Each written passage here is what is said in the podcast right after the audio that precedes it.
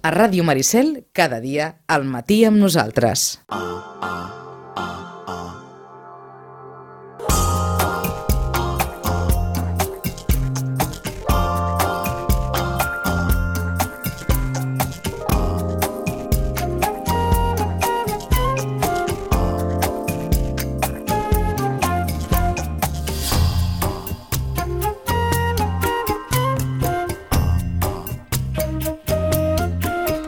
capdamunt de les llistes, pocs canvis. En ficció en català, l'altre de Marta Rojals en el número 1, en el número 2, l'analfabeta que va salvar un país, de Jonah Jonason, en el número 3, Desig de xocolata de Care Santos, en el número 4, Eufòria de Xavier Bosch, i en el número 5, Dies de frontera, de Vicenç Pagès Jordà. En castellà, el més venut, com també ja és el més venut de les darreres setmanes.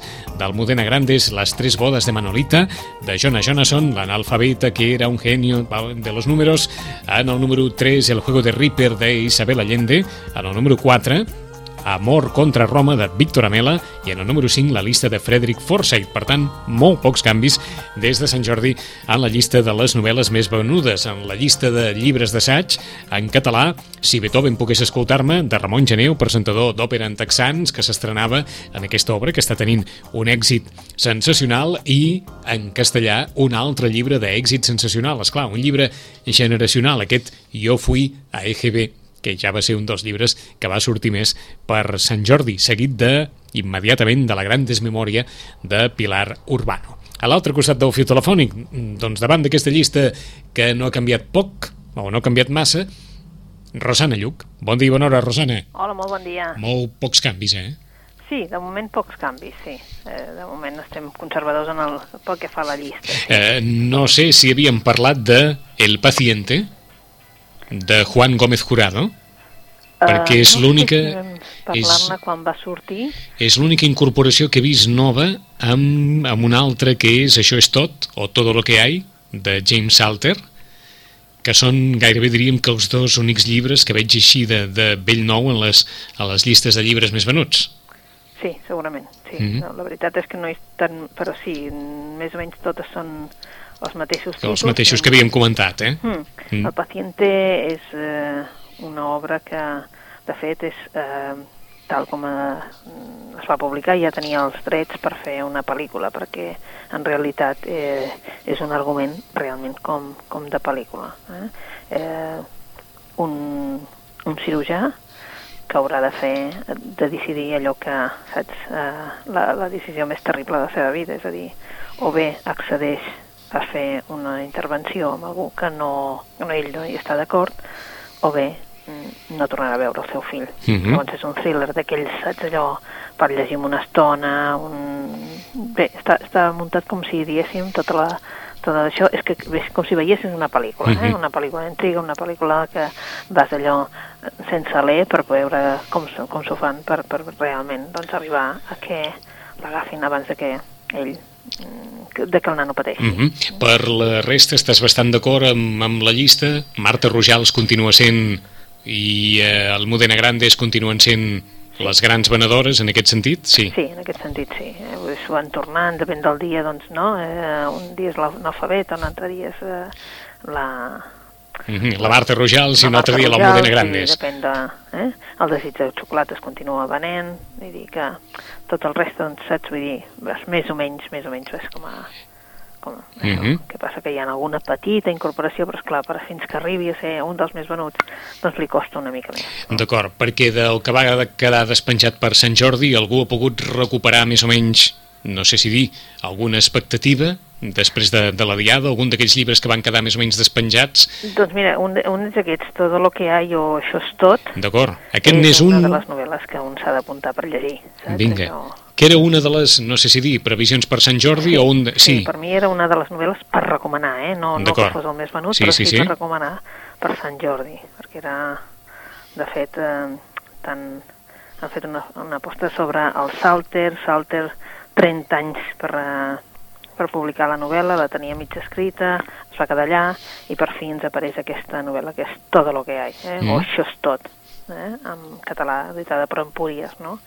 És això, la història d'aquell noi que tornava de la Segona Guerra i per tant una mica doncs s'havia de decidir i entra a, a, torna a refer la seva vida en el sentit de, de dir, bueno, doncs haig d'anar a la universitat, a, a Harvard, vull dir, es treu un, es treu uh, un títol en literatura, uh, entra en una editorial i una mica doncs, mm, doncs uh, veu d'aquells moments um, perquè ell ve de la guerra de Corea, eh? Uh -huh. llavors doncs veu d'aquells moments doncs una mica gloriosos, saps? Allò, festes literàries, um, bé, jefes que doncs uh, el conviden a, a festes i en definitiva ell el que busca doncs és aquesta persona per compartir la vida, no?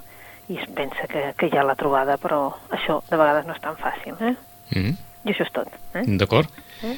O sigui que va quedar despenjada de Sant Jordi, Una però mica, potser... Sí, de, de fet mm. per mi va ser un dels llibres també mm, força, força venuts, el que passa que mm, crec que es mereix estar més amunt. D'acord. O sigui que potser té un llarg recorregut encara, eh? Sí, aquesta serà de les que realment, vull dir, serà una de les novel·les també que per mm -hmm. l'estiu, vull dir, doncs pot recomanar i que la gent doncs, la tinguin a la seva, saps? La seva llisteta per Sant per, Doncs, per doncs si se la volen apuntar, això és tot, todo lo que hay, una d'aquestes novel·les que va, quedar, que va quedar pendent de Sant Jordi, però que molt probablement eh, continuarà la llista dels llibres més venuts durant unes quantes setmanes. Alguna d'aquestes de Sant Jordi que també quedés més o menys despenjada i que veiessis que, que ara comença a agafar una mica de gas? Uh, no, no. Penso que Maig és també una mica difícil, a tot plegat, malgrat que la maquinària de publicacions continua, uh Mhm. -huh. maig és un... No? Com, com es nota que has encaixat més llibres que no pas has rebut novetats, eh? Sí, sí, sí, sí, sí. És, és, saps allò que dius, bé, eh? continuen arribant novetats, vull dir que ha planejat tot, absolutament, que continuen sortint novetats tot aquest mes i el mes que ve, a partir del 20 de juny ja la cosa s'atura, la veritat, vull dir, llavors ja és són molt pocs títols mm -hmm. i Mhm. sobretot perquè ja s'haurà passat la Fèria del Llibre de Madrid. D'acord. O sigui que del 20 de juny a mitjans d'agost... Poca mm, cosa. Poca cosa. Poca cosa. Va per la resta de l'any, suposo, eh? Exacte, però llavors ve un setembre molt fort i co- continuem, eh? D'acord, Sí, està clar, està clar. Eh? Però abans d'aquest 20 de juny encara ens queden eh, u- unes quantes connexions amb, amb la Rosana, com no, recomanacions. Vinga, per on comencem, Rosana? Doncs mira, una de les obres que van treure el dia, bueno, va ser el dia 24, crec que encara no n'havíem parlat, el dia 24 d'abril, Sí, que va ser així, en castellà va sortir la última novel·la de Camila Lackberg, La mirada de Los Ángeles. uh -huh. Uh, fins a la primera setmana de maig hem hagut d'esperar perquè sortís en català, La mirada dels àngels, publicada per Amsterdam, com sempre, que és la darrera novel·la de la Camila Lackberg, uh, que ja ens té acostumats amb aquell, aquells misteris de la illa de Filvaca, mm? i que la veritat una que es planteja és que en una illa tan petita que passin tantes coses, doncs també és com a curiós, i a més a més doncs, que sigui doncs, precisament aquesta illa no? a, a Suècia, i bé, en definitiva, a la Camila Lackberg la consideren la reina del, de la novel·la negra de, dels països escandinaus. Eh? I ara és una altra intriga, una altra intriga que ens porta a l'any 74 i hi havia una família que, que portava una colònia infantil allà a Balú, eh? a una illa que està al costat, just al costat de Falfaca. Eh? I bé, mm, aquesta família de cop i volta va desaparèixer, eh, com si se'ls hagués emportat el fum. Vull dir, l'únic és que eh, van deixar una filla, una filla petita, l'Eva, que en definitiva mm, ningú no, sabe, no va saber mai què va passar, ni ella mateixa sap què va passar. En definitiva, uns quants anys més tard, l'Eva eh, torna a l'i- a l'illa amb el seu marit i volen intentar salvar el matrimoni. Han Mhm. perdut un fill i volen realment doncs, tornar-se a retrobar precisament allà. eh? D'acord, o sigui, reconstruir la vida, vaja. reconstruir la vida. El que passa que han anat a escollir un lloc doncs, que per ella és crucial, no? però la veritat és que és un lloc doncs, que segurament li portarà massa dolor, no? i potser no és el lloc on s'ha d'anar a salvar res, no? És un lloc per... Bé, doncs, en definitiva, si tu vas al lloc on te, no? on te va passar tot, eh, potser en un moment en què tu estàs tan mal ferit, per dir-ho d'alguna manera, emocionalment, doncs potser les, no acabes de salvar res perquè t'has encara de, de curar la, les ferides de, emocionals d'aquelles Mhm. primeres, no? Bé, en definitiva, potser és el moment de reobrir el cas i ja tenim uh, ja sabem que tenim aquí l'inspector i la seva dona, mm? l'escriptora que convertida amb ajudant de policia, eh? I el Peter i la, i la, i continuaran doncs, una mica doncs, dient, bueno, doncs és uh, a veure què va passar amb aquesta família, no? Uh -huh. mm, ja com potser no va ser un incendi, sinó un, ai, un assassinat, sinó potser un incendi amb diverses pistes, pistes que realment ens porten a, a passar-nos una bona estona uh -huh. asseguts a la butaca llegint. Afegeix aquí l'argument que li arriba cada any a la Eva una carta signada amb una, amb una sí. simple G que suposo que afegeix tensió a aquesta, a aquesta història de reconstruir la relació familiar. Eh? Per, això, per això mateix és difícil no anar a el lloc on te, si vols reconstruir uh -huh. algo, present quan realment encara hi ha el passat per, per refer. Uh -huh. eh, és la mirada dels àngels de Camille Landberg i un afegit més a tota aquesta llarga llista de novel·les de misteri en què estem immersos des de fa mesos, eh? Sí, però és curiós perquè va sortir el dia 24 i vaig dir que és una de les més venudes en aquest moment. Sí? Però la més venuda, eh? D'acord. En castellà es va fer, ja et dic, el dia 24 i com que ja té el seu públic, d'alguna manera, doncs ha sigut, i per primera vegada en castellà, no sé per què tampoc, han fet l'edició normal, entrada, i després una edició en tapa, en tapa dura. Mm -hmm. o, sigui que català, la, o, o, o sigui que la veurem aviat en la llista dels llibres més venuts. Sí, per, pel que fa a casa nostra, aquesta setmana passada ja ens sortia, perquè va ser doncs, allò vist o no vist, perquè uh mhm. -huh. té un públic seguidor, i el que fan ara també les noves tecnologies, és a dir, per l'abril, finals d'abril, sortirà la nova novel·la, doncs ja ja tens eh, tots els lectors pendents de que surti la nova novel·la. Entesos. Doncs la nova, una bona estona assegurada. Doncs la nova novel·la de Camila Lambert, que és La mirada dels àngels, també en, en, en versió catalana i castellana, eh? en qualsevol de, la, de les dues versions la, la poden eh, trobar. Una història d'intriga, una família que torna al lloc on van succeir uns fets que no és una història nova, però per descomptat que, que l'atenció està assegurada. Més recomanacions. Bueno, pues, doncs, una obra que té un títol que ja veureu que és molt difícil de que, que diem, oh, això què és, no? Espinosa i els gentils i el triomf de la fonètica. Caram. Tu diries, bueno, això deu ser més aviat un assaig, no? Sí. Doncs no, és del Martí de Riquer i són dues obres de teatre. D'acord, en parla avui el suplement de llibres de l'avantguàrdia. En parla? Doncs, sí. Veus? Doncs és això. De eh? teatre de l'absurd parla, eh? Sí, sí, és curiós, és molt curiós, eh, primer perquè no, no, no l'hagueren posat en, a, en aquesta casella de, no? Mm. d'autor de novel·les de teatre de, i a més a més doncs, no? sempre com a especialista, sempre l'hem trobat com a especialista. Exacte, eh? sempre amb, amb llibres d'assaig, vaja, Exacte, i, amb, i, amb, eh? i amb qüestions molt específiques. Sí, i llavors, bueno, ens apareix ara amb aquestes dues comèdies, no?, que és això, unes comèdies que realment s'ha de dir que és el nostre humor, el l'humor d'aquell català, aquell una mica sorneguer, absurd, uh, ple de caricatura una mica, no? Mm -hmm. I la veritat és que, bé, tant l'una com l'altra, que són obres, doncs, eh, d'aquelles mm, per llegir, per disfrutar una estona, per aquest teatre que potser no és perquè eh, s'hagi de representar o no representar, però que la veritat és d'aquells, és que dius, bueno, eh, mm -hmm. aquells familiars poca vergonyes, que es volen quedar tots els, els diners de la pobra Eva, d'aquell oncle mort, Um, bueno, és una mica que recorda, doncs, una mica, vaja, de vegades amb els germans Marx, eh? quan el llegeixes... Eh, això, és el que, això és el que diu Julià Guillemont sí? a la seva crítica a l'avantguàrdia. Diu, he llegit les dues comèdies una darrere l'altra, d'una revolada, i m'he divertit com un camell. Riquer pren dels diaris els arguments que li permeten construir la mica de trama dramàtica. Espinosa i Gentils explica que amb l'arribada de la República els escuts heràldics se sotmeten al joc de les patents.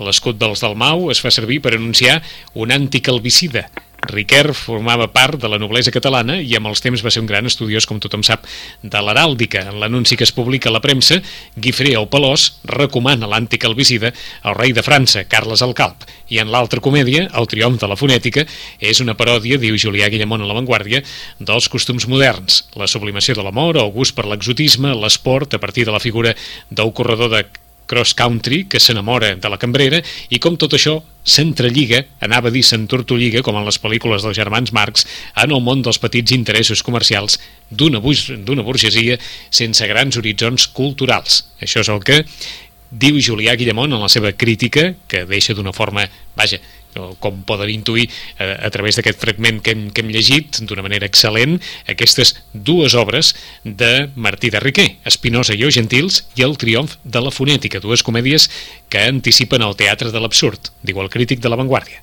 Un llibre petit, eh, que es llegeix... Un llibre molt petitet, molt petit, molt petitet que sembla ser que es devia representar almenys una vegada en, l'Associació d'Estudiants d'Arquitectura uh -huh. i en Ignasi Agustí, eh, també un autor també de la teatral de l'època, per excel·lència, doncs que també va tenir alguna cosa a veure. Uh -huh. eh, res, eh, tu llegeixes amb un 3 i no res, a més a més la presentació és molt bonica, és de quaderns crema, però té una presentació així com a que et fa aturar la mirada. Mm. Eh? I llavors també és, és agraït també aquest tipus de llibres així, saps? Doncs curts, però que també doncs, entronquin una mica doncs, en, la, en la nostra manera de mirar no, el món. Uh -huh. uh, no sé si se'n tenia coneixement o, o ha arribat com una sorpresa aquesta... aquesta... Suposo que se'n devia tenir coneixement, però no, no, saps allò, tampoc no se'n no, jo eh, s'ha publicat per primera vegada, jo diria que no estava publicada, eh? Uh -huh. Jo no l'he trobada. Per, per això t'ho dic, per si, per si en, en teniu alguna notícia o veritablement això no. ha estat una, una no, no, sorpresa, una troballa, una troballa eh? No, suposo que la relació del Martí Riquer també amb l'editor, amb el Vallcorba, mm -hmm. també ha fet doncs, que tinguin coses allà per editar, però que no, no les editessin perquè potser fins i tot de Riquet no estava interessat en fer-ho, no? Doncs que quedi clar, també segons diu Julià Guillamont, que va escriure aquestes dues comèdies Martí de Riquer abans de la Guerra Civil. Sí, abans, abans, o sigui, que imagina. O sigui que, la, que les va escriure molt jove, eh? Sí, sí. Molt, dic, molt jove. Ignasi Agustí pel mig, vull dir que uh -huh. també era un autor de referència a l'època, sí. i sí. Molt jove les deuria escriure perquè va néixer el 1924, mm. Mm, doncs vaja, si fem números del 36 al 24 ens surten 12 anys, eh? Sí, sí. O, o era un veritable... Bé, era, està clar que era un geni, però mm, la precocitat de, de l'escriptura queda clara. Va néixer el 1924 Martí de Riquer i va escriure aquestes dues comèdies abans de la guerra, segons diu Julià Guillamont. Una altra de les recomanacions de la Rosana perquè vulgui ficar-se en aquest registre de qui després ha estat un dels referents en el món de l'estudi de, de la llengua de l'heràldica, Martí de Riquer. Més. Bé, doncs ara sí que una que és la, la darrera que he llegit i la que m'ha agradat de debò, que és, eh, de vegades llegim coses que sí, que més o menys ens agraden o que diem bé, estan bé per un públic o es, llegeixen ràpid, etc etc i unes altres les disfrutem. Eh? I aquesta vegada he disfrutat una obra que de moment no en tinc coneixement que s'hagi de fer en català, però potser sí que es farà. Eh? És el Premi Goncourt del 2013. Uh -huh. eh? Quan va sortir la notícia de que li havien donat el premi, doncs ja es va dir que, que era una gran obra, etc. A França ha arrasat, la veritat és que ha arrasat, però, clar, de vegades no sempre això traspassa cap a altres fronteres, no? Es diu Nos vemos allà arriba i és de Pierre Lemaitre. Eh? Mm, us, de, us hem de confessar que no coneixíem l'autor, i la veritat és que aquí jo diria que no, no té res publicat abans. Eh? Uh -huh. La frase sí que és travessa fronteres, eh? perquè aquí també ho diem sovint, això, eh? Ens, sí. veiem, ens veiem allà dalt. Sí, doncs això, ens veiem allà dalt. Eh? Nos vemos allà arriba. Nos vemos allà arriba. Ens hem de situar uh, realment a Primera Guerra, novembre del 18. Eh? Només falten uns dies perquè tot això s'acabi i hi ha un tinent, uh, un tinent amb un nom així com a molt rimbombant, el tinent Henry Dolnay Pradel, eh? que és doncs un, diguéssim que és de bona família, una família vinguda menys, que estan perdent doncs, tot el que tenien, diguéssim, doncs que la casa, o casalot, per dir-ho d'alguna manera, se'ls està caient a sobre, però ell encara doncs, conserva doncs, aquest -hmm. aquest, diguem-ne... Aquest estatus noble, vaja. Aquest estatus i aquesta necessitat de tenir aquest estatus, que això és el que el perdrà. Eh? Però aquest tinent eh, ordena doncs, una ofensiva. Eh? Tots estan a la trinxera esperant a veure si realment els diuen que tot això ja s'ha acabat, tots esperant l'armistici i hi ha diversos personatges que trobem. Un és l'Albert Mallar, que ell recorda la seva vida a París, ell era un comptable, un comptable eh, que la veritat que estimava la Pauline eh, i està esperant poder tornar a París per tornar amb la Pauline uh mhm. -huh. i la seva mare és una dona doncs, que en definitiva des de que va morir el seu marit doncs l'únic que fa és agullar-lo una mica eh? no, ell sap que no ha complert mai les expectatives de sa mare però vaja, ja veu que tampoc no ho podrà canviar eh? Uh, i després també tenim un altre, l'Eduard, l'Eduard Pericourt, que és un personatge allà, que eh, ve de bona família, una família amb diners, una família que, doncs, que li ha donat tot el que ell ha volgut, però que té molta traça, està encara en un quadern de dibuix i dibuixa. Mm? Hi ha altres personatges, eh? Uh, de cop i volta el tinent, el net Pradel, ordena doncs, que hi vagin dos, dos, dos soldats, el més gran i el més jove, d'aquesta tropa que vagin a fer una inspecció, per dir-ho d'alguna manera, a veure què estan fent els altres, no? I de cop i volta aquells gens se'n van i se senten uns trets. Uns trets que donaran peu a que el tinent decideixi que s'ha d'atacar. Llavors, a partir d'aquell moment, evidentment, tot canviarà. Canvia la vida de l'Albert, canvia la vida de l'Eduard, perquè eh, l'Albert, que és una persona doncs, que coneixia tots dos soldats dels que hi han anat, resulta que al tirar cap endavant per fer per, eh, per atacar es troba amb els cossos a terra d'aquests dos soldats. Mm -hmm. els, hi, els tomba i se n'adona que és que han mort per trets des de darrere, no pas des de davant. Per tant, eh, no és que sigui estat una emboscada, sinó és que han sigut els seus els que han matat aquests dos soldats. D'acord. A partir d'aquest moment, ell ja veu que passa alguna cosa estrany i l'Henri o el net Pradel, a partir d'aquest moment, també el vigila amb ell. No vol que se sàpiga alguna cosa, eh? i hi ha una mala sort que té l'Albert que cau amb una amb una, diguéssim... Una mena d'emboscada? Una mena d'emboscada feta per l'Henri, eh? Uh -huh. I cau eh, d'això a terra i doncs allà les trinxeres i allà doncs amb una bomba doncs li caurà tota la terra a sobre. L'Eduard està més enllà i això passa en les primeres planes, eh? L'Eduard uh -huh. està més, més enllà i veu que si hi ha una escopeta així posada a dalt és que hi ha algú a sota. Corre, malgrat que està ferit, i intenta treure-li la terra de sobre perquè eh, amb tot això hi ha un cavall mort al costat, bueno, unes coses així bastant eh, cruentes, diguéssim, però malgrat que tot és molt cruent i tal, tu estàs a veure si què passa, què passa, què passa, i l'Eduard aconsegueix salvar-lo. Però evidentment li esclata amb ell també una, un obús i li quedarà sense cara. A partir d'aquell moment seran dues persones que seran amics de per vida, que seran dues persones que estaran, diguéssim, fora de la societat perquè faran una sèrie de coses i doncs veuràs que l'amistat de l'Albert, l'agraïment cap a l'Eduard, travessarà qualsevol frontera. Uh Mhm. -huh. Passen moltíssimes coses en la novel·la, però el que veiem és doncs, això. Sí, perquè fins i tot ens expliquen aquí la tornada a París, és a dir, finalitzada ja Mm. la, la, la contesa, la guerra, eh, els posa també en, en situacions Duríssimes. duríssimes no? De, de, Duríssimes, de la duríssimes. realitat en la qual es troben un cop acabada la guerra. Sí, sí, duríssimes, perquè, és clar tornen a París junts, però l'Eduard, que és el que podria tornar a una casa amb tot, etc etc, Sí. doncs no hi vol tornar, no vol saber res de la seva família. D'acord. I a partir d'aquí, és, és, és, clar, hi ha una venjança, una venjança que s'intentarà portar a terme, però des de dos punts de vista, malgrat que són tan amics i malgrat que, que a veure, són l'un depenen de l'altre, en definitiva, més a l'Eduard que, l'Albert, hi haurà doncs, dues maneres de veure la venjança, no? i dues Mhm. maneres de voler-la acomplir. En definitiva, l'objectiu és l'Henri, i l'Henri, de, de moment, el que fa són molts negocis per enriquir-se, malgrat que ho està fent amb la, diguéssim, amb la desgràcia de totes aquelles famílies que han perdut fills o germans a la guerra. Ah, És una novel·la eh, que te l'empasses fins a l'última a l'última fulla, que no la pots deixar en absolut, malgrat que ja diem que hi ha escenes d'aquestes doncs cruents, però té també molt d'humor, és molt irònica, i, en definitiva, en moltes situacions estàs amb un somriure. doncs eh, eh, avui cavalquem amb el llibre de James Salter de l'Això és tot, Sí. finals de la Segona Guerra Mundial, el llibre de Pierre Lemaitre, el, el final de la Primera Guerra Mundial, i com un- una història també de, de la condició humana ficada davant de les dificultats de, de la vida. Eh?